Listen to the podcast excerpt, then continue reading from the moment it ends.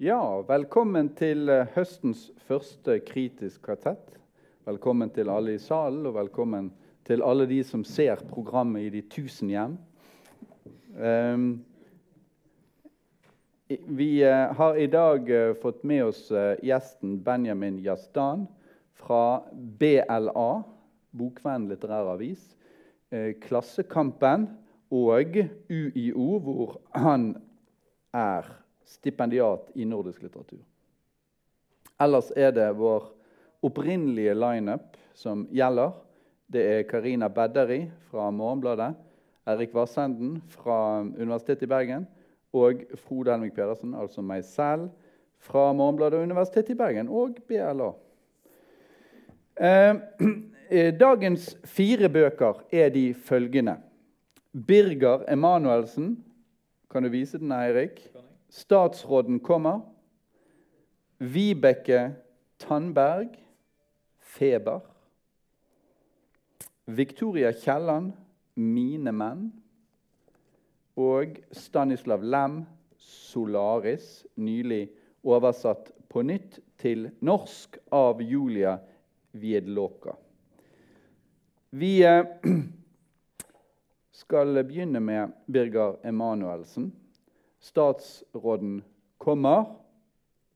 Eh, det er en roman hvor eh, forfatteren etter sigende trekker veksler på sine egne erfaringer eh, som taleskriver, når han i denne romanen altså forteller om en Ingrid Gjerstad som straks etter studiet på Blindern blir ansatt som taleskriver i et departement. Um, kanskje ikke helt uh, uventet så går det ikke så lang tid før hun blir slått av uh, hva skal man si, um, tomheten i dette um, politiske spillet. og uh, den litt sånn pinlige stemningen som ofte hersker inne på departementet, hvor, hvor man typisk da degger for makten. Litt sånn spyttslikking eller litt sånn ærefrykt for makten. Eh, samtidig som man driver og baktaler eh, både for så vidt vakt, makten, men også hverandre da, i litt sånn mer private fora. Eh, Ingrid hun syns kollegene ofte er dumme. Hun lengter seg vekk. Hun, hun har kommet over en sånn nettside hvor man hvor, man hvor, det er en sånn idé om at man skal kjøpe land, og så skal man donere det til en sånn organisasjon som bare skal la det stå som natur. som På den måten skal man liksom ta, ta over naturen igjen eh, fra, fra ja, kapitalen. Eh, men hun er, også, hun er, også, deprimert og rett og slett preget av en viss dødslengsel. Dagen før eh, nåtidshandlingen så har hun kranglet med sin mann, som er snill og som hun elsker. Eh, og hun har også sagt opp jobben. Så eh, disse to disse to um, hendelsene de har ført henne da ut i skogen, hvor hun sitter på en stubbe og tenker gjennom sitt liv. Eh, og også da vurderer vel å, å, avslutte dette livet. Men det er vel de færreste som tror at hun har tenkt. Det er en relativt mild depresjon, dette. Eh, eh, så det vi får i denne romanen, er egentlig først og fremst hennes mentale eh, vandringer da, på denne stubben. Og da får vi et innblikk også i hennes hverdag eh, på, på, i eh, departementet. da. Eh, romanen er spoiler alert. Eh, romanen eh, ender med at hun sier som så at greit, jeg går på min egen avslutningsfest på departementet. Avslutter mine selvmordsfantasier. Uh, opp der, får litt kake, snakker litt og får et siste møte da med, med, statsråden. Hvor hun da føler at hun kan si endelig sannheten til han, nemlig at dette har vært en temmelig deprimerende jobb å være taleskriver her. da. Uh, jeg uh, syns denne romanen er først og fremst litt sånn altså Min dom er vel hovedsakelig at romanen er litt uavklart med hensyn til hva den egentlig vil være. Eh, jeg synes eh, Den er ikke en typisk satire over politiske, det politiske spillet. Den er ikke noen dybdeboring i et menneskes sinn. men hva er den da egentlig? Kanskje det er et slags mer et språkeksperiment? Et, et, slags modernistisk mer sånn dykke inn og ut av minner og sånn? Jeg får aldri helt, uh, jeg får aldri helt roen på det. Nei, jeg stiller det opp, da. Nei, uh, jeg syns jo ikke det, da. At den lykkes ikke i det. Jeg tror ikke det er det heller. Men jeg vet ikke helt. Hva tror du, Benjamin? Nei, altså Hadde det vært så vel, da? Altså, hadde det vært den modernistiske minneutforskinga den kanskje kunne ha vært? Jeg syns også helt ærlig at det er en ganske tarvelig roman på ganske mange plan. Hvordan forklarer vi da at den har fått ja. såpass god kritikk? Den er dagsaktuell. Ja. Uh, det er en smørbrødliste av aktuell tematikk. Ja. Valget uh, tenker du på? Det valget. forestående valget. valget. Ja. Uh, og den serverer eller skisserer opp en sånn følelse av politisk avmakt som de fleste, aller fleste kan nikke og si seg enig i. Og så satiriseres det lite grann, og så spøkes det litt rundt det, men det føles ganske uforpliktende. Uh, og det er liksom, for fornemmelsen jeg sitter og leser den, det er en sjekkliste av tematikker som skal, man skal innom. Ja. Det er middelklassens lede, det er den statsansattes store dilemma. Ja. Uh, skal man være tro mot sine idealer, eller skal man følge sin egen vei? Det dukker opp noe eksternt. Det er et parforhold som skurrer. Spiseforstyrrelse. Spiseforstyrrelser. Generasjonskonflikt. Generasjonskonflikt. De unge nye som kommer. Klimakrisen, ja. naturtapet, kjønnsroller, ja. naturvin. Altså, sånn. det tar liksom ikke slutt. Så Birger Emanuelsen er kanskje litt for flink. Kanskje han rett og slett skulle forblitt taleskriver. Men han er, ja, ikke, så, han er altså, ikke så flink til å skrive, da heller. jo, men flink i gåseøynene. Ja, ja, ja. jo, ikke sant. Og det satt jeg på en måte også tenkte eh, ettersom jeg sitter og leser og begynner å kjede meg og blir litt irritert. altså Hvorfor skriver han ikke bare en artikkel? Og da ville på en måte berettigelsen for å skrive en roman at språket var veldig godt. Ja. Eh, men det er det jo ikke heller. Eh, så på, allerede på side to så begynner jeg å få veldig bange anelser. Eh, for det er det som Ingrid som du beskriver det. Uh, stopper uh, når hun kjører europaveien, og så stopper hun på, i kanten av veien og går ut og setter seg på denne stubben. og så kommer det. Og så sier hun 'Jeg må ingenting', sa hun litt høyere denne gangen. Og lyden av hennes egen frie stemme gjorde henne ubekymret på en måte hun ikke kunne huske å ha kjent på lenge. Hadde hun ikke savnet dette, var det ikke nettopp dette hun hadde savnet? Og ikke skulle noe og ikke ville noe, annet enn å bevege seg bort fra det hun ifølge sine forpliktelser skulle og ville de siste tre årene hadde fått henne til å tenke at savn var en bortkastet, nesten litt barnslig følelse. For om hun virkelig skulle tillate seg å savne noe, ville hun måtte åpne slusene osv. Så, videre, og så, videre. så er tematikken stavet ut. da, ikke sant? Og så satt jeg og tenkte er det noe den romanen her trenger, så er det å få Vigdis Hjorth på seg. Kan noen sende Vigdis Hjorth på Birger Emanuelsen? Fordi det er jo en Vigdis Hjorth-roman på et vis. Er ikke det en uh, Hva er den heter han? Um, Sjaka-roman på mange måter? Jo, Altså I og med at den ikke er formsterk, på en måte som Vigdis Hjorth er når hun diskuterer enkeltmenneskets avmakt og ja. Eh, eksistensielle skjebner eh, i et type statsapparat eller satt opp mot en aktuell oppgave, ja. så er det nok kanskje mer en Sesjonsjaka-roman. Ja. Men, men så, sånn at eh, Er dere enige da, dere to andre, i at dette er ikke så bra skrevet heller? De fleste har vel vært som har skrevet om denne romanen, har vel vært sånn inne på at dette er tross alt veldig bra skrevet. da. Ja, det prøver hele tiden å være bra, men det ble egentlig sur. Du sa side to, men jeg mener at det var dårlig fra første setning. som er... Men Kan du forklare publikum hva som er problemet da med denne første setningen? Ja, Ingrid hadde kjørt nesten seks km hjemmefra da hun oppdaget hvor lite som skulle til for å gli over i motsatt kjørebane. Eh, for det første så prøver han liksom å være veldig presis, og det er kjørt nesten seks kilometer. Merk deg det. Det har ingen betydning. Hvorfor har han det med i setningen? Det, helt, det skal være presis. Ja. og så er det det dramatiske gli over i motsatt kjørebane i hele livet. Det er ikke bare det konkrete, det er liksom symbolsk her. Det bare, ja, jeg ble sur med en gang, så, og det ble ikke noe bedre utover. Altså, vi hørte jo i det som Benjamin leste her, eh, eh, at dette er en roman som har ganske lange perioder. Altså, du, du, bemerket vel også det i din anmeldelse. Periode det betyr setning. Lange lange setninger. Eh, langt mellom kom, punktumene, ikke så langt mellom kommaene. Eh, og, og, det slår meg når jeg leser det, at det er en litt for ineffektiv prosa vi har å gjøre med her. Altså, den bruker ganske lang tid på å komme seg fra poeng til poeng, samtidig som den er ganske litt for, litt for tydelig. Da. Og, og, litt for opptatt nå snakker vi om det språklige, av, uh, av å male noen bilder da, som den skal bruke. Og innimellom så, så, så, tenker jeg at det kanskje kunne fungert som en slags parodi på det taleskriverspråket som hun, uh, hovedpersonen Ingrid oppholder seg i. Når viljen først går i stykker, ramler hele huset sammen. Eh, står det, seg. det er jo en, er en slags parodi på eh, Det norske som, hus. noe som Torbjørn Jagland har sagt, eller kunne ha sagt, eller som en hvilken som helst annen politiker av samme støpning kunne finne på å si.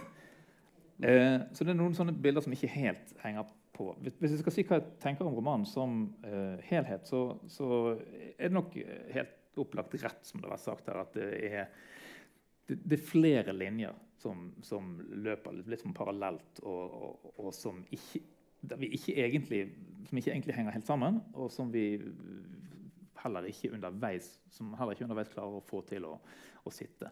Og så På den ene siden så er det da departements, eh, departementets taleskriveravdeling, som jo er, er et klassisk eh, motiv, som har vært gjenstand for satire, TV-serier og, og, og, i mange sammenhenger. Sant? Og opplagt potensial for noe morsomt.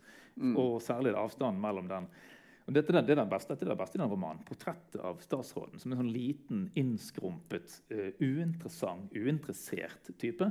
Uh, særlig ett parti mot slutten der det blir beskrevet hvor ufattelig korte armer han har. Mm. Han skal være med i en sånn scene der de skal gjøre propaganda for uh, partiet og partiets integrasjonspolitikk. Der de skal melke noen geiter opp på en seter sammen med en del flyktningkvinner.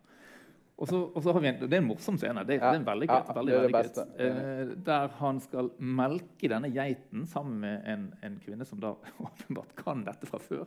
Men så har han så korte armer at han rekker ikke frem til jurene på geiten. Og Det blir et slags bilde på hele ministeridentiteten eller, eller eh, personligheten. Altså, det er ganske, det er bra.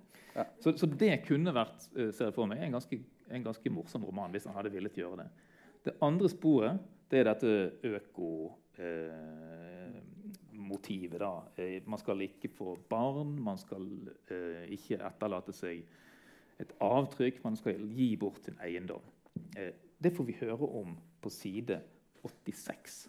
Dette som skal være det som den ene tunge eh, dreggen liksom, som, som trekker eh, denne fortellingen liksom, mot dypet. Eh, og, og de to sporene henger rett og slett ikke sammen. Får det ikke til. For at Hun er ikke noe troverdig som person. Ingrid er hovedpersonen. Han får jo ikke alt det til å uh, gå opp i hodet. Og som du sa med det dødsønsket Mm. uh, Det blir jo liksom forklart i begynnelsen med en sånn opplevelse hun hadde som barn. og Overnatta på en veranda eller hvordan det var med en venninne ute. Og så fikk hun en eller annen slags uh, ja, oseanfølelse eller et eller annet, som, som senere utvikler seg til en slags dødslengsel, dødsønske. Mm. Jeg, Jeg tror ikke på det. Det virker bare på noe som Birger Emanuelsen har sittet og tenkt og funnet og syns var litt spennende, liksom. Ja, de, de må jo få lov å finne på ting, da, disse Ja, forfatterne. ja, ja, men de kan finne på noe Men, eh, litt bedre. Men ja, altså jeg er jo enig. Og, og, og litt av problemet er som det, også, som det vi har vært inne på, at han forsøker liksom å skrive sånn som romaner skal være. Den følelsen får du hele tiden. Prøver å skrive sånn romanaktig. Det er døden for enhver roman hvis du får den følelsen. Eh, det andre er da um, den der overforklarende tendensen som du pekte på. Altså det at du skal liksom si Sånn at du alle er helt sikre på hva som er temaet her nå. liksom. Det blir utrolig kjedelig.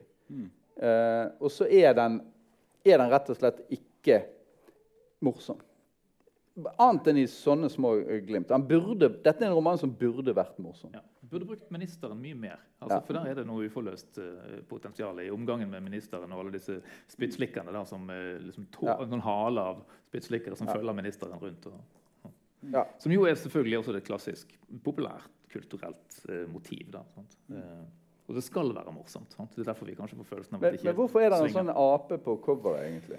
Det har jo ikke noe med noen ting å gjøre, vel? Har det? Jeg også lurt litt på det. Karina har en teori. Ja, Ja. at uh, når han, uh, hun ser for seg at uh, departementet er akkurat som å gå på zoologisk museum. ja, nettopp. Som også er et veldig klisjéfullt Og da, da vil ministeren være liksom den sjefsgorillaen innpå det? Utstoppet. Ja, ja. Nei, jeg tenkte på, Apropos det med øko, økotvisten, eller liksom økoplottet som ligger her. Det er en rød tråd. da. Hun er litt skeptisk til å skulle få barn. Kjæresten ønsker seg kanskje barn. Det er en gnisning mellom de på den fronten. Eh, og så tenkte jeg på det når jeg leste. Når kommer det eh, det vendepunktet i romanen hvor de faktisk drar ut i skogen? Ja. Og hun føler skogens ro som voksen og får en eller annen fornemmelse av ubevegeligheten i trærne eller naturens fylde osv. Og, så og så kommer det, og så er det en kanotur. Og så skjer det. Ikke sant? Mm. Det er også en sånn ny ingrediens Mm. eller instrumentell norsk samtidsprosa. Saksinnlegg, sjekkliste, kronikk, roman-greie. Eh, syns, syns, er det noen her som syns det funker? Nei, det tror jeg vi har konstatert at det ikke er. Eh, så jeg tror rett og slett vi går videre, jeg. Så vi ikke får liksom uh, piska denne døde hesten eh, mer enn nødvendig. Eh, jeg, tror, eh, jeg tror rett og slett at vi eh, er helt enige om at dette gikk ikke denne gangen for Emanuelsen. Eh, vi går videre med Vibeke Tandberg, 'Feber'. Yes. Eh, dette er jo den femte romanen til Vibeke Tandberg. Eh, Hun debuterte med 'Beijing Duck' i 2012. Eh, det husker jeg leste som 19-20-åring Jeg synes det var veldig veldig friskt. Da. Det var spennende. Da visste jeg ikke at hun slekter på fransk nyroman osv. Og, og det er jo det som har gått igjen som kjennemerke med Vibeke Tandberg. Hun har også fått et litt sånn jeg vet ikke om det er fortjent eller ufortjent, eh, kanskje det dels fortjent rykte, som en som reproduserer den franske nyromanen. Driver en slags mer eller mindre intellektuelle eller cerebrale formøvelser eller stiløvelser. eh, der det er dette fokuset på detaljer og geometri og rom Mm. osv. Uh, og så er det Febra har vi i år, som er et slags brudd på et vis. Eh, fortsatt innenfor samme spor til en viss grad, eh, men har kanskje litt mer innslag av altså om ikke normalprosa, eh, så litt vanligere setninger. Eh, den handler da altså om en eh, døende kvinne. Det er et dødsøyeblikk som er strukket ut over 140 sider, egentlig, kunne man, eh, kunne man si. Hun våkner først på sitt eget badegulv under vasken i en pøl av eh, urin og blod, eh, og vet ikke hvor, hvor hun har kommet hit, eller hva som skjer. i det hele tatt. Og så følger vi da denne kvinnen eh, tett fortalt i tredje person. Eh, ganske tett på hennes indre sjelsliv og det hun opplever som en forvitring av sitt selv eh, over en 140 sider. eh, omtrent. Men kommer hun ikke på Mm. Så kommer hun på pleiehjem. igjen. Eh, og det er liksom Ja. det er overgangen, da. Ja. Eh, og så er hun på Så det er jo ikke et Det er dødsøyeblikk. ikke et. Det er egentlig flere dødsøyeblikk. Ja. Et, kjempe, et kjempelangt dødsøyeblikk. Ja, men også enda, hun går tilbake i tid. Går tilbake og tenker, tenker tilbake igjen. ja, uh, mye på leiligheten. Og, ja. Det der krasjet. Ja, det er jo med, ja, med med elgen. elg. Ja. Som liksom siver litt inn i det øyeblikket ved vasken, og det er litt uklart Mm. når ting har skjedd. Det er en sånn litt sånn sprukken kronologi. Uh, stil og formmessig så lener hun seg ganske tungt på gjentagelser. Uh, det dukker opp en god del setninger som kommer igjen og tilbake. og uh, Formen er på en måte sånn som jeg ser det, det er et forsøk på å speile et sinn som går i stampe, eller en kognitiv evne eh, som stopper opp eller stanger mot seg selv. Samtidig som det er en god del desperasjon. Hun finner ikke tilbake til sitt eget morsmål eller til sitt eget språk. Men du likte den? Nei, det ikke altså, Jeg, jeg syns den er ålreit. Um, jeg kan ikke unngå å lese den i lys av det Vibeke Tandberg har gjort før. Uh, sånn sett så tenker jeg det er en litt potensielt sett velkommen endring i fatterskapet. Uh, at hun beveger seg bort fra det som virker å ha liksom stivna til en slags formøvelser. Da, at hun Mm. gjentar seg selv litt. Uh, men det er på godt og vondt. Um, og jeg syns kimen til veldig mye bra ligger her.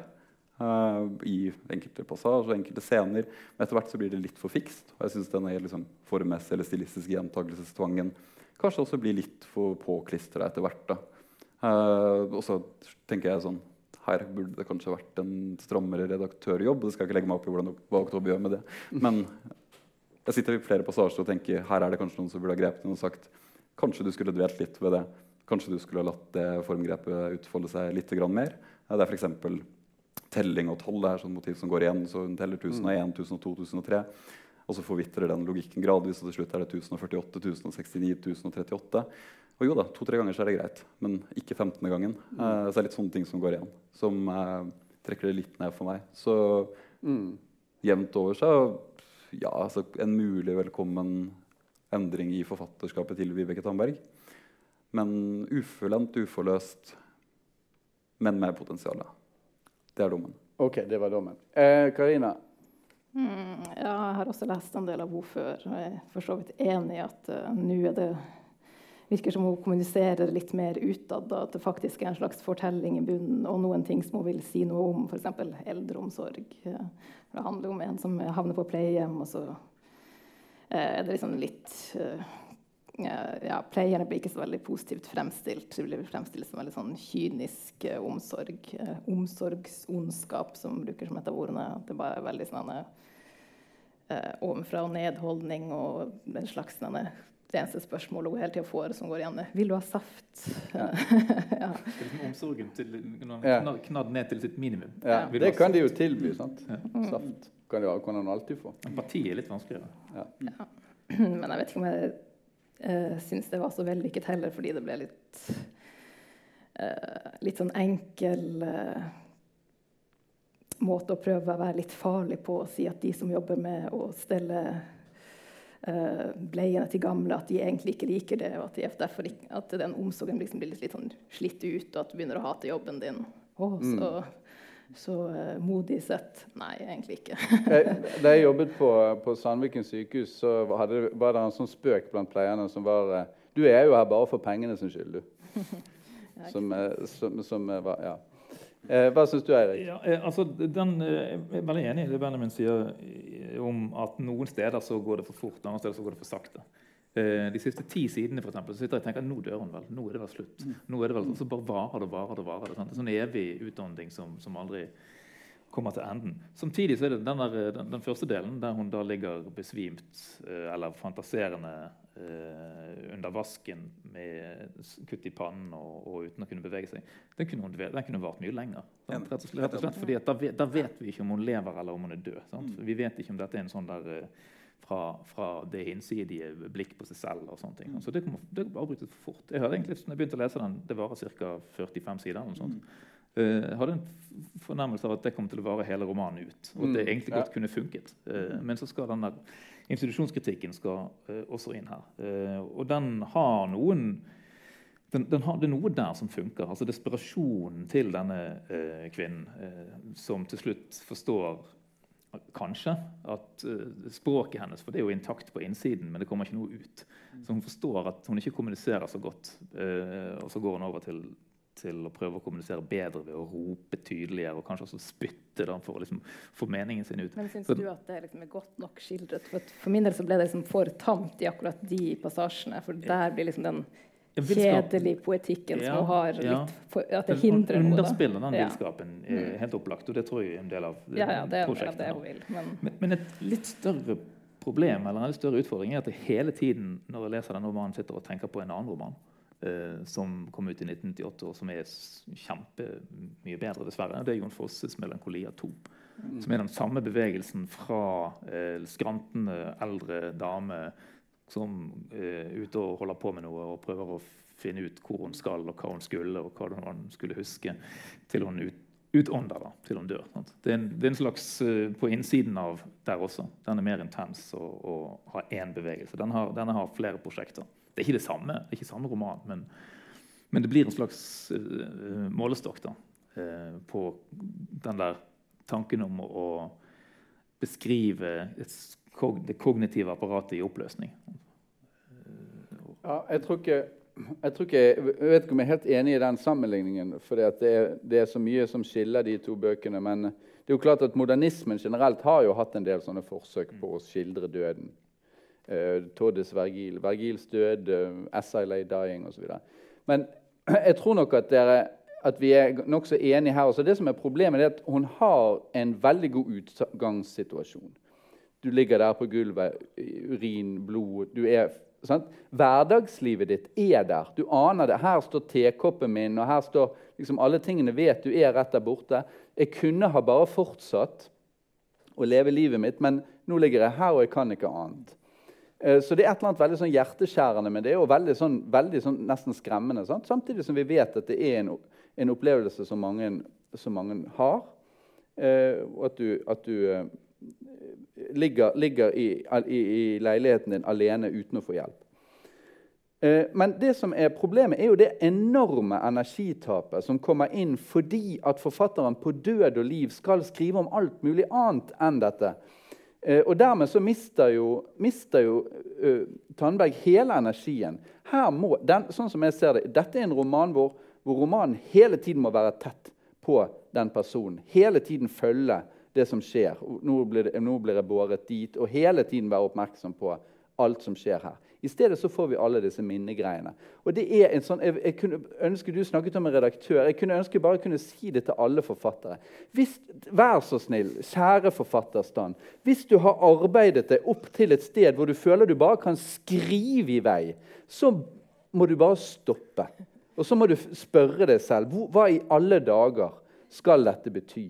Fordi at eh, Hele den der ideen med at hun skal blande inn en sånn tidligere episode med en elg som hun har kjørt på, ødelegger for romanen. Hele den der greien med etterforskeren Som en, som en diagnostikk. Det er vel både Ja. politimannen og avhøret etter kollisjonen ja, pluss legen. som hun liksom skal ha inn Kritikk av det diagnostiske ja, blikket. ja.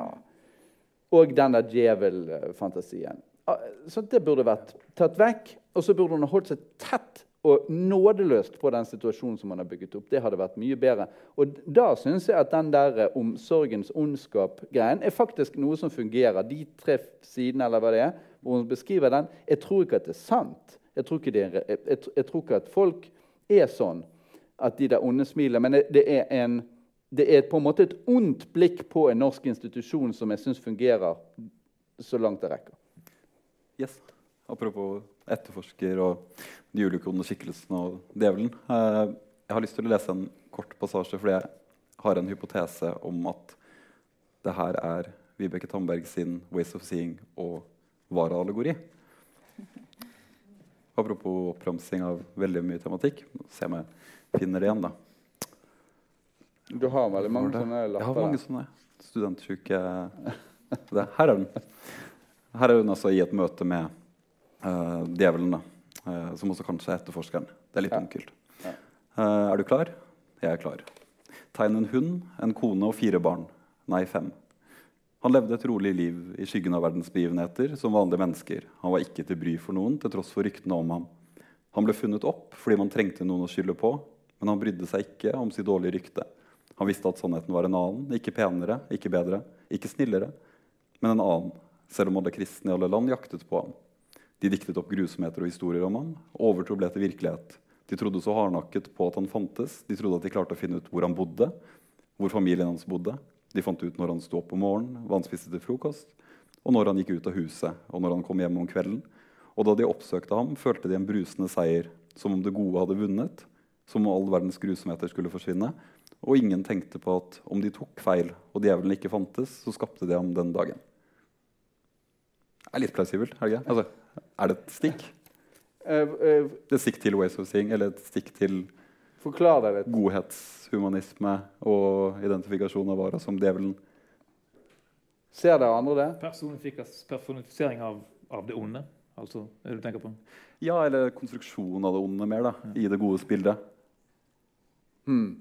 Eller er det som sitter og leser om det den dagen jeg leser romanen også? Jeg ser det ikke. Jeg, jeg må innrømme Jeg trenger uansett en, en sterk hypotese for Ja. å få liksom, den djevelskikkelsen Ja. til å funke. Da. Eh, Jeg tenkte på den der uh, Kajsa i den der Ja. f- eh, Mm. filmen usual suspect. Usual Suspect. For han dreper barna sine og et eller annet. Ja, men det, det er veldig mye surr og rør der som vi trenger å gå inn på, tror jeg. Så jeg tror uh, vi bare går videre. Jeg. Victoria Kielland, 'Mine menn'. Ja, Uh, Victoria Kielland sin tredje utgivelse og andre roman. Den heter altså 'Mine menn'. Uh, det er ikke en selvbiografisk roman om Victoria Kiellands kjærester, men en roman som tar utgangspunkt i den norske kvinnen Brynhilds utvandring til Amerika. Men det er ikke noen typisk emigrasjonshistorie som Kielland skriver om her. Den reelle personen Brynhild Paulsdatter Størseth fra Selbu i Sør-Trøndelag, som Kielland bruker som forelegg i romanen, er nemlig mest kjent som seriemorder. Hun emigrerte til Chicago i 1881, eh, hvor hun amerikaniserte navnet sitt til Bell.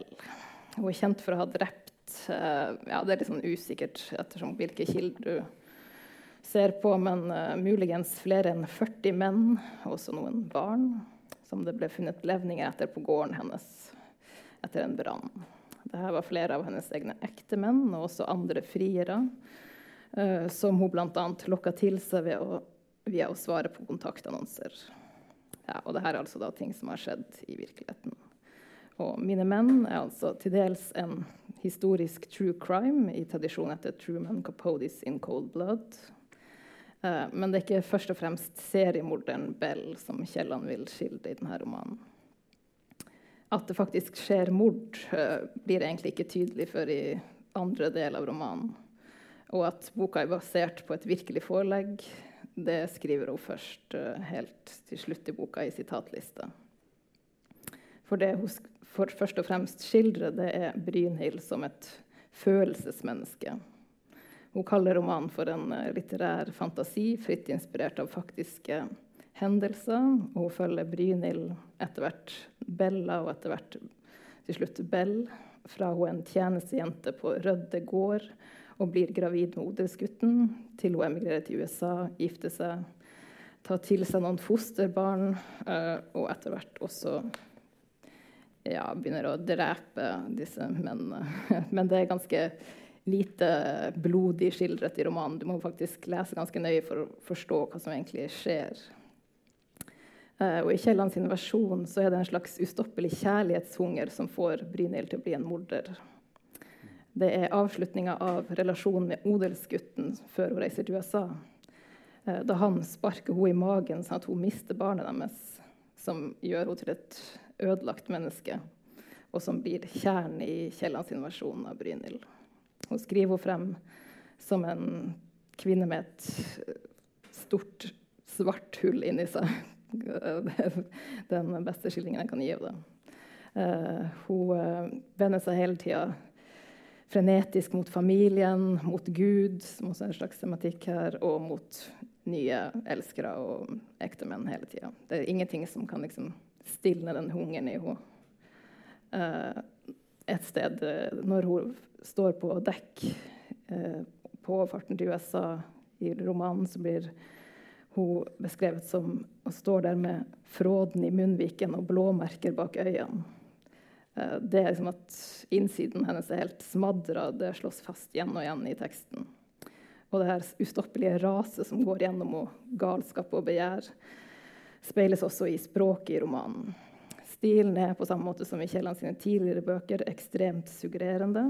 Det er som om det er et stort sug i teksten, der alt eh, rundt henne i verden dras inn i en sånn lang kjede av setninger.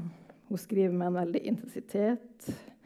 Eh, på den ene måten kan man si at eh, stilen tar opp i seg noen av de assosiasjonene man har til 1800-tallet. Og på en annen side så er det ganske sånn tenåringsaktig. og Det er ikke en historisk roman stilistisk i det hele tatt, og heller ikke innholdsmessig. egentlig. Den er ganske sånn tenåringsaktig fra i dag. Uh, representerer mye det voldsomme i Brynhild og i ja, følelser generelt. uh, jeg skal lese et lite sitat, fordi at man nesten må høre det. Det er fra uh, den, den scenen med odelsgutten før hun reiser. Odelen hadde stått en stund og sett på henne, liksom fraværende, helt til kroppen hans, hans hadde snudd seg mot henne. Det var ikke som det skulle være, hun hørte fuglenes vingeslag, det livredde i den gjenlatte stillheten. Det var bare sorte flekker i blikket hans, helt flatt, fraværende. Den skrå bevegelsen, strimen av lys, dypet i dem begge. Hun kunne ikke ta ordene tilbake. Avstanden var akkurat nok, han hadde spent seg opp fra mage til skulder, fra låret og ned. Han tok fart og brukte hele sin styrke i én en enkel bevegelse. Alt var gjennomsiktig, hun så det på ham. Dette var det grufulle, svevende øyeblikket før kroppen traff bakken. Foten traff magen, skinnstoffen traff der den skulle. Der og da vaklet verden, det lynte gjennom henne. Det var som om hun aldri hadde eksistert. Mørket åpnet seg som en dråpe blekk i et vannglass. Det spredde seg lydløst og fylte henne ut til kanten av øyelokket til det ikke var en tanke igjen. Odin hadde gått og bare latt henne ligge der med jordsmak i munnen. Brynhild myk og god, så god og så alene at Odin hadde tatt sjansen. Enten tålte hun det, eller så tålte hun det ikke. Hva visste vel han?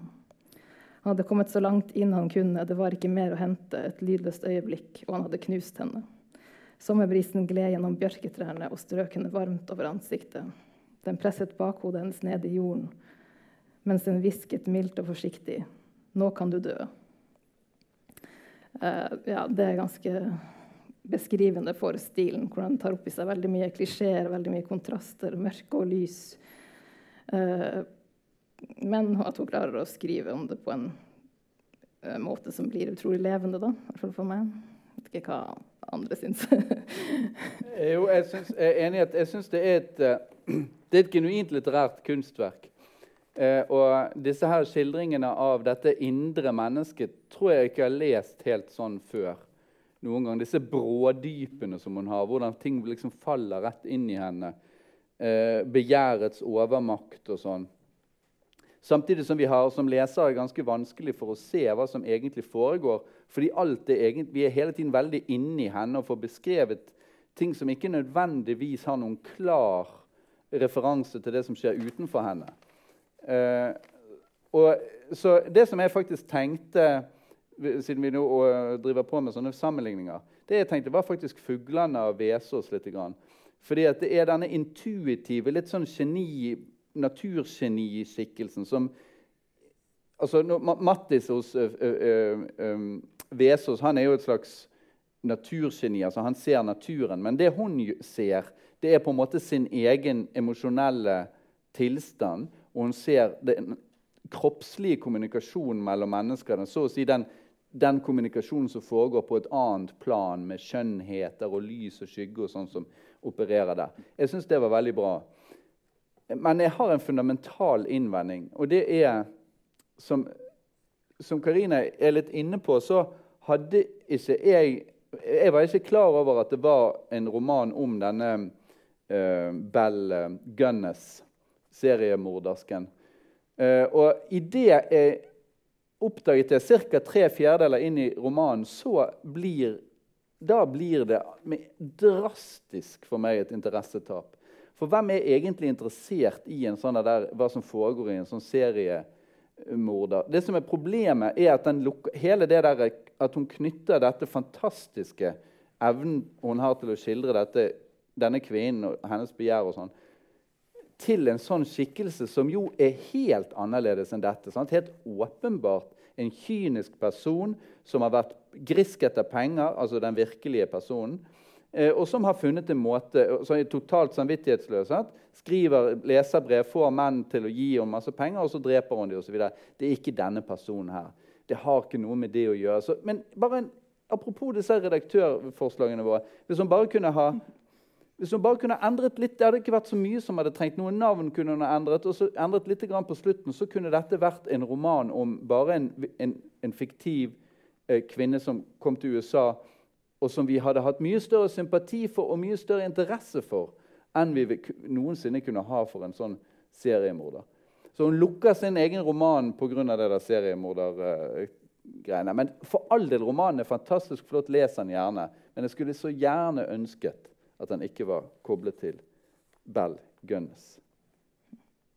Du så det jeg var uenig? Eller så uenig? Nei, nei, jeg vet ikke. Ja, jeg, jeg, kan på et vis kjøpe akkurat det argumentet, da. Men formen er jo veldig monoman eh, gjennom hele boka. Altså Kanskje ikke monoman, men veldig konsekvent. da. Det er veldig tett. Altså mm. sanse kavalkade på sansekavalkade i hver setning. Ja, ja. Um, og så syns jeg det oppstår et slags interessant brudd i den liksom, mer eller mindre umerkelige overgangen fra Bell eller uh, som står og forsøker å liksom la seg fylle opp da, av ja. utenverden, til hun faktisk begynner å drepe. Uh, at det er det samme og det er det tross alt estetiserende språket. da, ja. Eller forskjønnende. Det, er, det, er, jo veldig vakre tablåer som spiller seg ut. ikke sant? Ganske presise, liksom, pregnante bilder. Um, så syns jeg måten det språket fortsetter å bare male på, mens hun begynner å male opp menn. da, ikke sant? At det, du ser et eller annet interessant der. Uh, ja, som gjør nesten at jeg glemmer ja. hvorvidt det er troverdig eller ikke, eller hvorvidt hun er en liksom plausibel seriemorder, eller hvorvidt det er merkelig at denne kanskje litt sympatiske kvinnen fra Trøndelag plutselig blir besk og ønsker å bli gjort hel og fylt opp, og derfor må hun drepe. seg. ja, for meg så er formen, eller stilen, da, i romanen overhodet såpass sterk og såpass konsekvent tro mot sitt eget prosjekt uh, at jeg uten videre kjøper den overgangen. egentlig.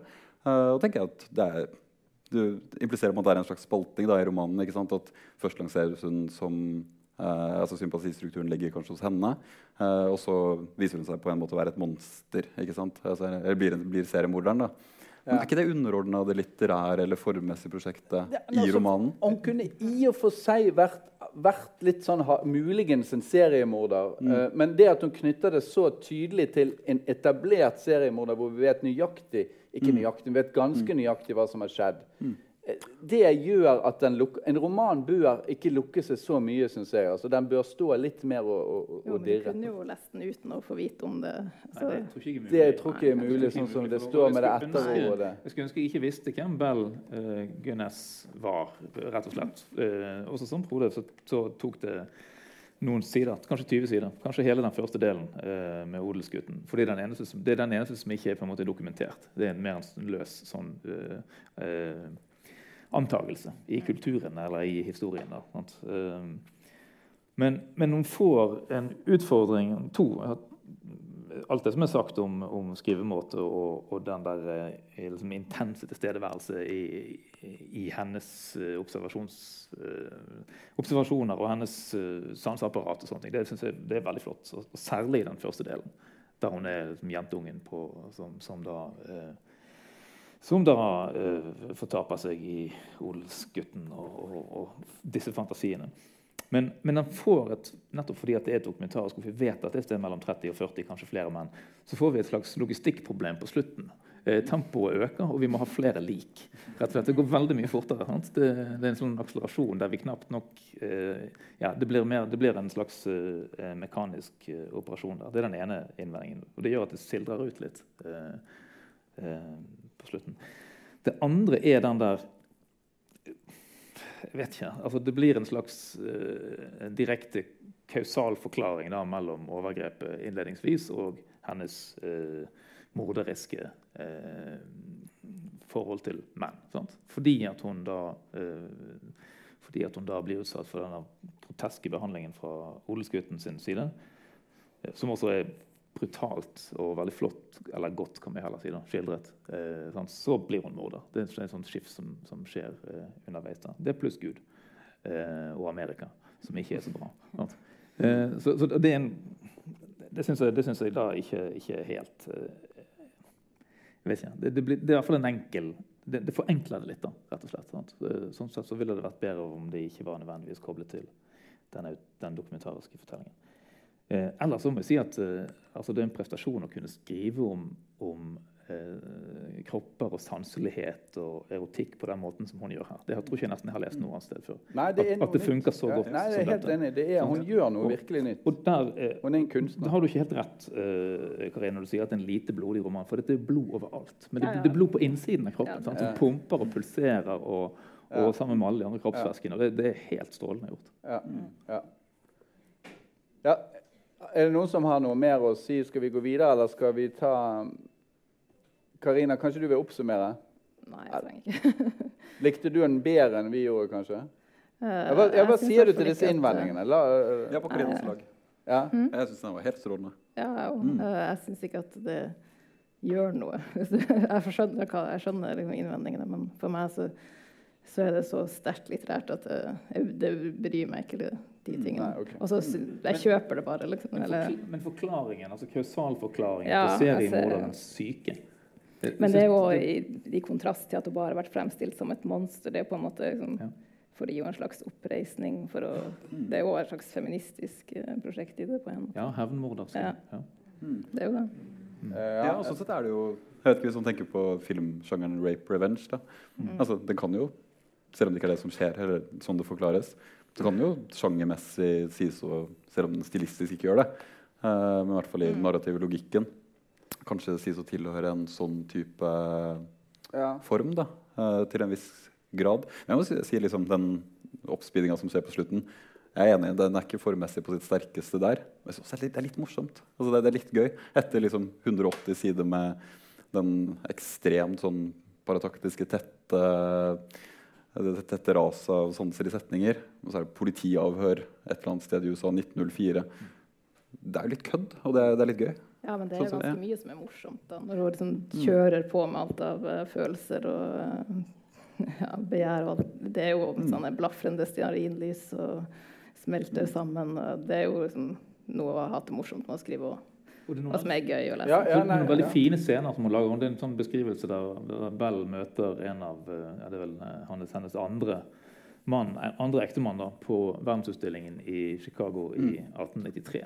Eh, og, og Der er jo da rekonstruert alle de forskjellige europeiske byene, bl.a. Eh, det norske. Eh, og, og, og Beskrivelsen hennes da av hvordan alle disse skandinavene og europeerne som har forlatt Europa, står og møter igjen gamlelandet, rekonstruert med sånne tynne pappvegger som kulisser. sant? Eh, eh, alle settlerne sto og så på alt det de hadde forlatt. Veldig sånn flott, En flott eh, scene som hun lager der. Der hun også da liksom møter denne mannen som ligner til forveksling på odelsgutten. Ja, men jeg, jeg tror at det, For å ta det feministiske potensialet så tror jeg det hadde vært bedre hvis hun ikke hadde vært seriemorder. For det, vi vil på en måte ikke ha aktivister som er seriemordere. Så, sånn at hvis det bare heller hadde vært det der eh, eh, At hun insisterte, for det gjør hun på, nemlig. Hun insisterer på, en, på sett og vis på at hun er seg selv. sant? Hun har en ganske sånn stor styrke i dette at hun aksepterer seg selv. Hun aksepterer eh, hun, vet, hun vet hvem hun er på en eller annen slags måte. Eh, og hun gjenkjenner så å si seg selv i andre osv. Uh, det, det, og, og, ja. Det hadde vært hadde i fall, eh, tror jeg hadde fungert, fungert også feministisk sett bedre. Men jeg, jeg skal ikke terpe på de innvendingene. Altså, er, det er kjempebra Veldig uh, inntrykksfull prosa. Det er det. Ja. Og et, ø, et uh, interessant prosjekt. Vi må kanskje gå videre, tror jeg. Uh, og det vi gjør eh, da, det er rett og slett å diskutere en eh, klassiker. Ofte beskrevet som en kultklassiker. Jeg vet ikke helt forskjell. Eh, kultklassiker, det betyr vel at den er bare i engere kretser. Litt sånn gutteromseim over det, kanskje? Man skulle tro det. Eh, og dette er jo da Stanislav Lems roman 'Solaris', som kom ut i 1961. Eh, og mange kjenner den vel kanskje mer, eller iallfall eh, mest, gjennom eh, en av filmatisert, Han har vært filmatisert tre ganger. Først som russisk TV-serie, så som som eh, Tarkovskij eh, sin versjon fra 74, og så i en eh, versjon av Steven Soderberg med George Clooney i hovedrollen som eh, psykologen Chris Calvin. Eh, den kom i 2002 og er ikke særlig god. Eh, men, men det dreier seg altså om en, en, en roman som jeg vet ikke, kultklassiker. Nei, det er en absolutt klassiker, vil jeg vel si. I hvert fall innenfor science fiction-sjangeren. Eh, Lem ga ut 14-15 romaner, en haug med novellesamlinger, essaysamlinger, publiserte vitenskapelig og var ytterst kompetent. Og, og essayene kan man kanskje kalle han en slags futurolog, altså fremtidsforsker, teknologiforsker. Og for det han var opptatt av, var å utforske de rommene som vitenskapene eh, i fremtiden kan komme til å, å åpne for oss. da.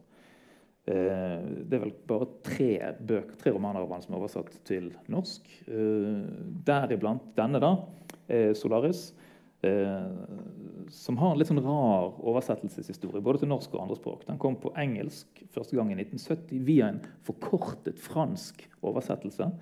Eh, og så kom han til norsk i 1974 en første gang via en tysk oversettelse. Eh. Eh, nå er det første gang vi da har en, en, en oversettelse direkte fra fra den originalske eh, polske ved eh, Julia Willocher, som etter det jeg kan forstå, har gjort en, en god jobb da, med denne eh, versjonen.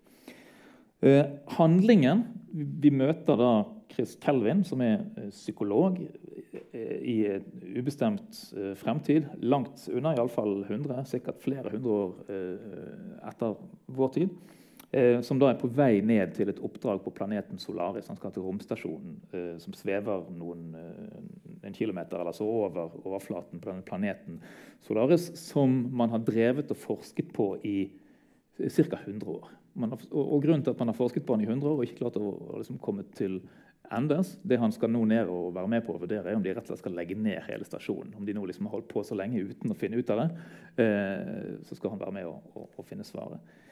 Og Det de ikke finner ut, er rett og slett hva denne planeten er for noen ting. For den er liksom dekket av, eller er i sin helhet, en slags tenkende plasmaaktig organisme som overskrider alle menneskevitenskapenes forsøk på å analysere den. Den, den. den, har en slags vilje, den har en slags kreativ eh, kraft, men det er helt umulig for eh, forskerne å finne ut hva det egentlig er, eller hvordan den responderer, og om det den gjør når de sender signaler og stråler og røntgen og alt mulig slags greier ned der, om det den gjør, egentlig er å respondere.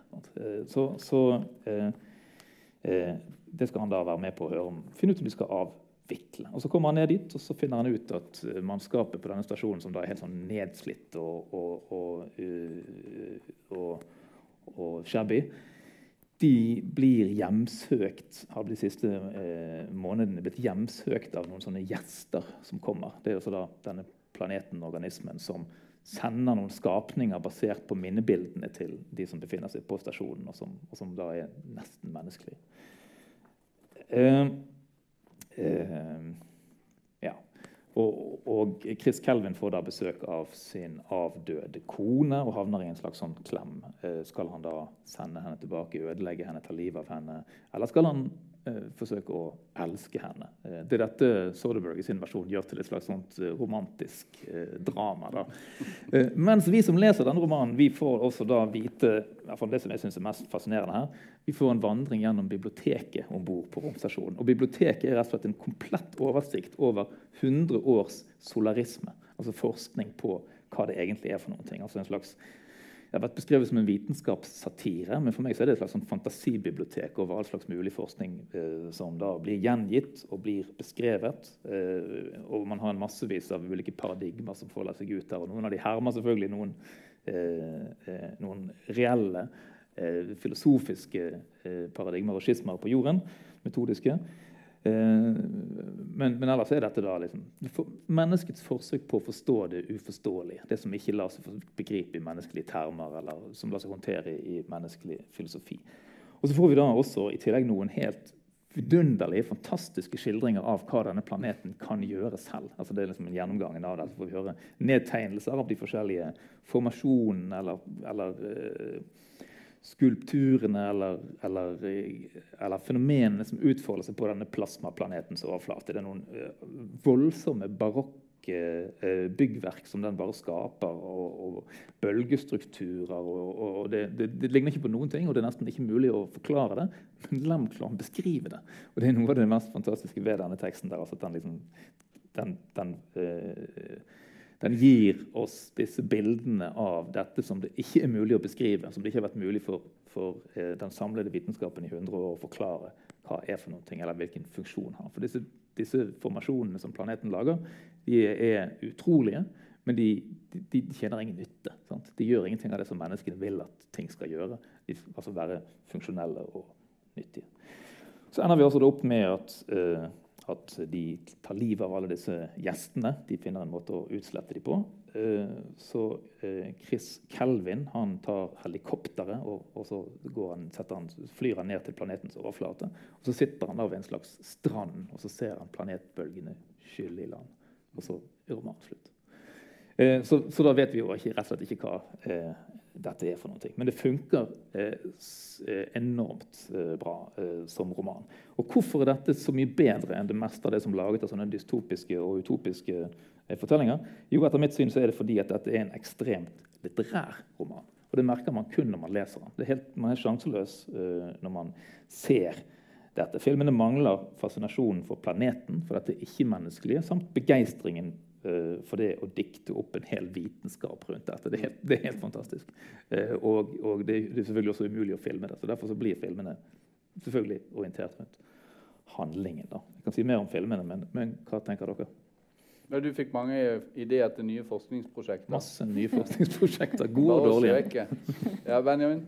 Nei, jeg syns den var helt enestående, egentlig. Jeg ble både begeistra og ekstremt forført. Uh, akkurat det du nevner, det er veldig fint påpekt. da, altså det, Mange har lest det som en vitenskapssatir. altså De uendelige oppramsingene av solaristikken.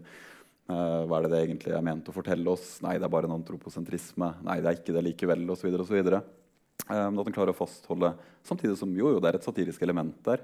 Uh, men det er også en slags anerkjennelse eller erkjennelse.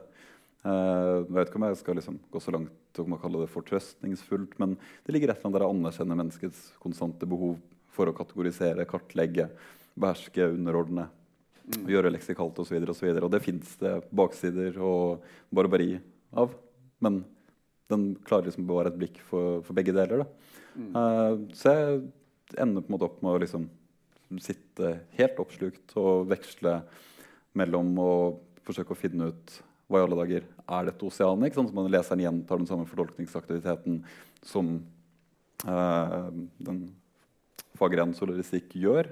Eh, fra den ene til den andre siden så kan man begynne å lure er det, er det en freudiansk allegori. Er det liksom mm. tilbakekomsten av det fortenkte? Ja, opplagt litt det. Eh, I Lem-forskninga, som oversetteren av boka har fortalt meg nylig, så har det blitt en oppsving i hvorvidt det er en holocaust-allegori. Er det fortegningen av traumer fra andre verdenskrig? Eh, er det en parodi på kjærlighetsromaner? det er også en litt sånn trashy B-film, sci-fi-spenning her mm. i tillegg. Ikke sant? Uh, så måten den klarer å turnere og holde alle de elementene i spill på, selv om den veksler mellom ulike stilarter. Mm. Uh, for den er jo ikke til forskjell fra Victoria Kielland så er den ikke konsekvent på den måten. Ikke sant? Altså, den har et gjennomgående språk og et, liksom en toneart. Da.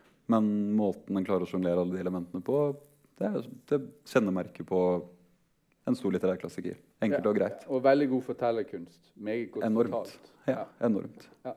Jeg er enig. Uh, at den er veldig rik, og du merker at du kan liksom applisere alle mulige slags ulike tolkninger på tingene. Da. Men jeg, ikke, uh, jeg tror ikke jeg jublet like høyt over alle de mange sidene med solaristikk. Jeg syns ikke det var så morsomt alltid, de her vitenskapssatirene.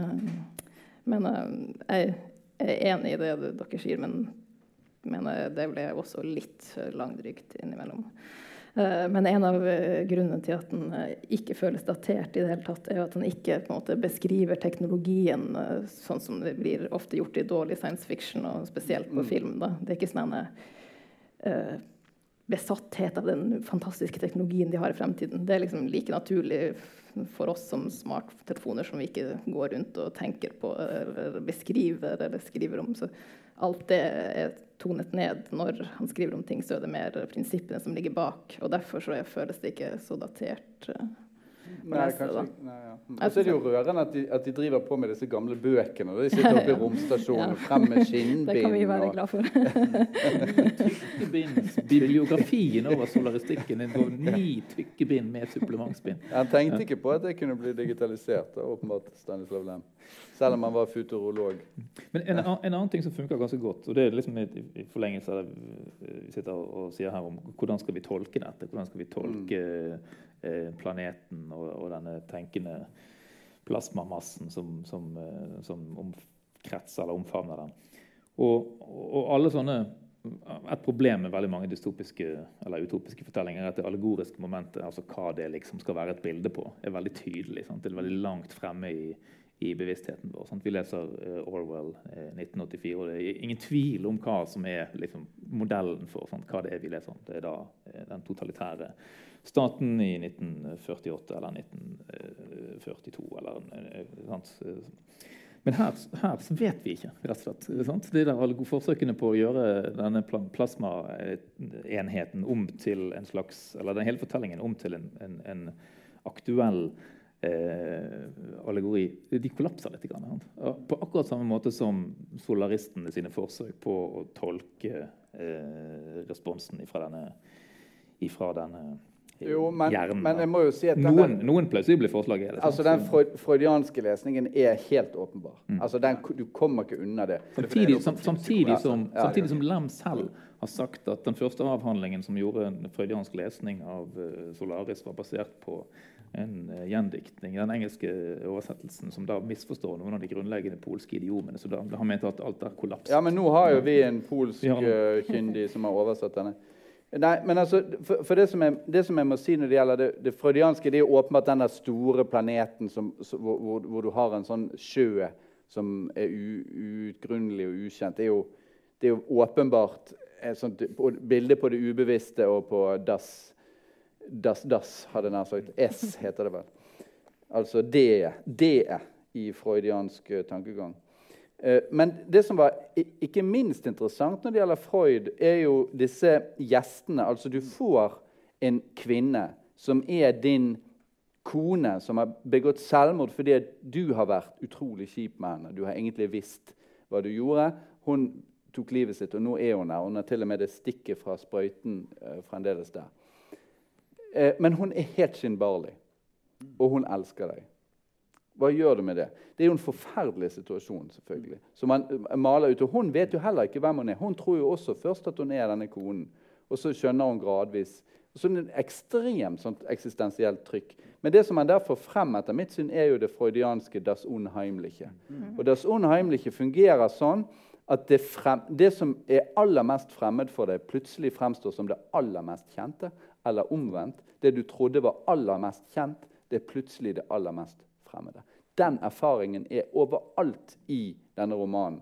Som et sånt ganske sånn heftig umenneskelig trykk som maner frem en, en eksistensiell situasjon. Det andre er jo da at de er jo ikke bare disse her eh, inkarnasjonene som denne planeten åpenbart har hentet ut av hjernen på de som eh, forsker der oppe, er jo ikke bare virkelige personer basert på minner, men kan også være fantasier.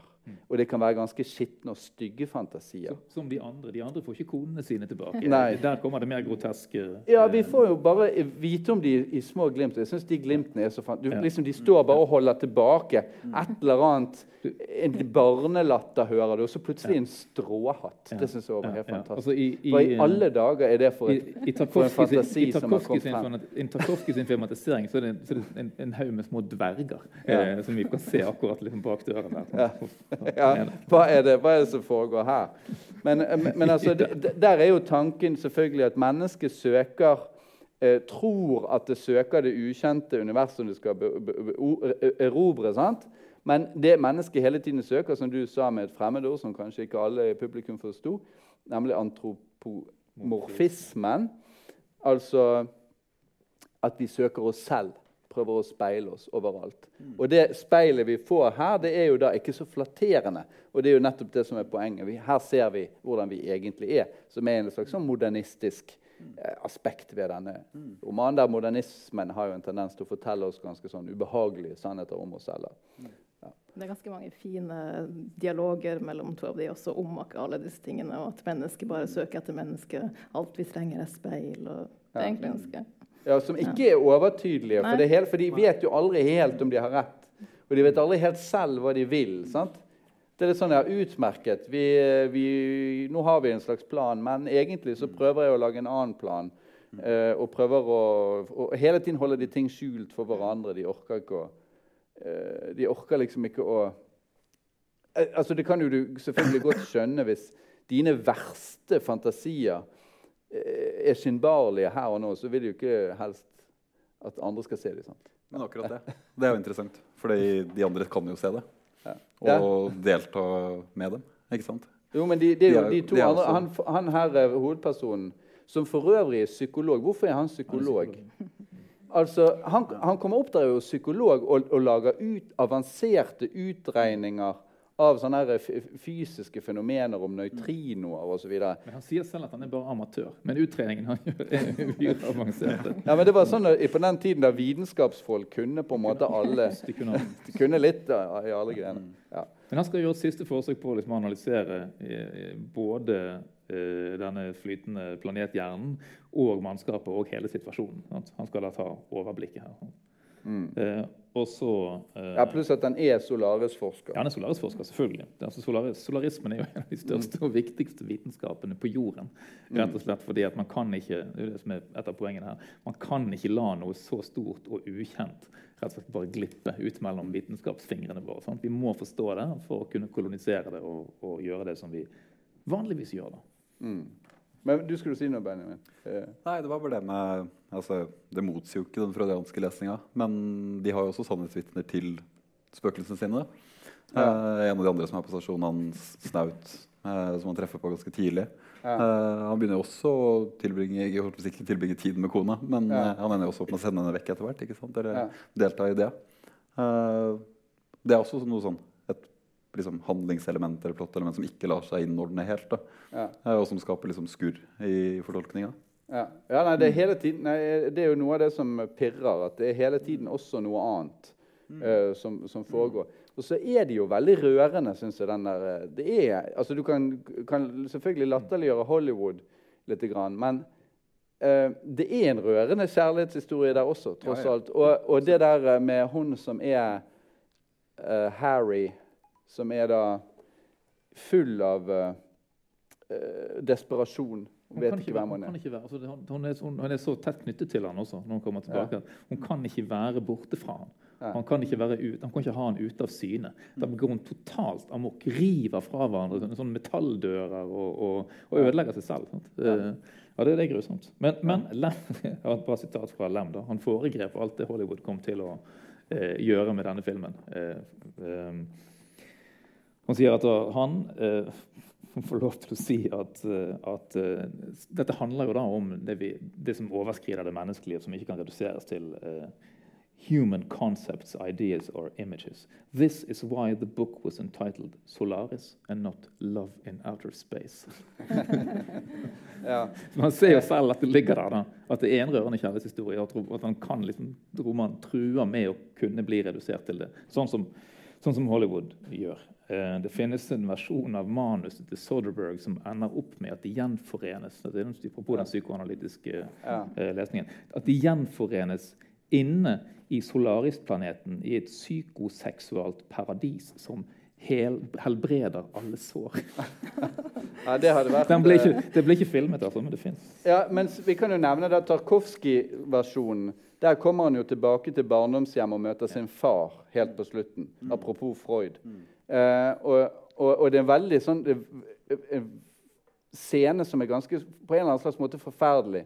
For det er et ødelagt sted. Faren går inn i huset, og det drypper. Han merker ikke at det drypper, og, og han går frem med bøkene full av vann på bøkene. Det, det, er noe veldig, veldig ubehagelig med den siste scenen, der, der eh, barndomshjemmet viser seg da å være reinkarnert eh, hadde nær sagt, i selve det oseanet. Så han er bare midt uti der på en øy og, og, og er der med sin far. Mm. Uh, ja, for, forferdelig. Men jeg tenkte jeg skulle helt til slutt kan vi kommentere det faktum at vi har en veldig viktig lyriker i Norge som heter Øyvind Rimbreid, Som har skrevet en diktsamling som er en eh, moderne klassiker i norsk lyrikk, som heter 'Solaris korrigert'. Hva er det? Og jeg vet jo at, eh, at Rimbreid har lest selvfølgelig boken og har sett filmatiseringene. Men hva er det han vil korrigere?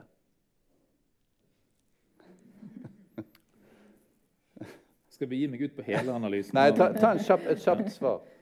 Nei, jeg har en hypotese om at det er den, den, den ender jo med en fortelling eller en visjon om eh, digitaliseringen av det menneskelige. Mm. Denne, denne, denne dikt, langdiktet til, til Rimbrev. Og, og, og, fra mitt ståsted så, så, er det den der digitale fangsten av alt menneskelig som skal korrigeres fra innsiden. Men det krever et lengre resonnement som kommer ja. på trykk i et tidsskrift om oh, ja, har, et uh, halvt år ca. Så lang tid tar det for vitenskapen. Ja, men da, fikk du reklamert for det, da. Uh, jeg tror at vi rett og slett uh, avslutter uh, med å si som så at de to første bøkene de var, falt ikke helt i smak.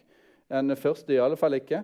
Den tredje, 'Kielland', falt absolutt i smak. Litt innvendinger mens Stanislav Lem står som en påle den dag i dag.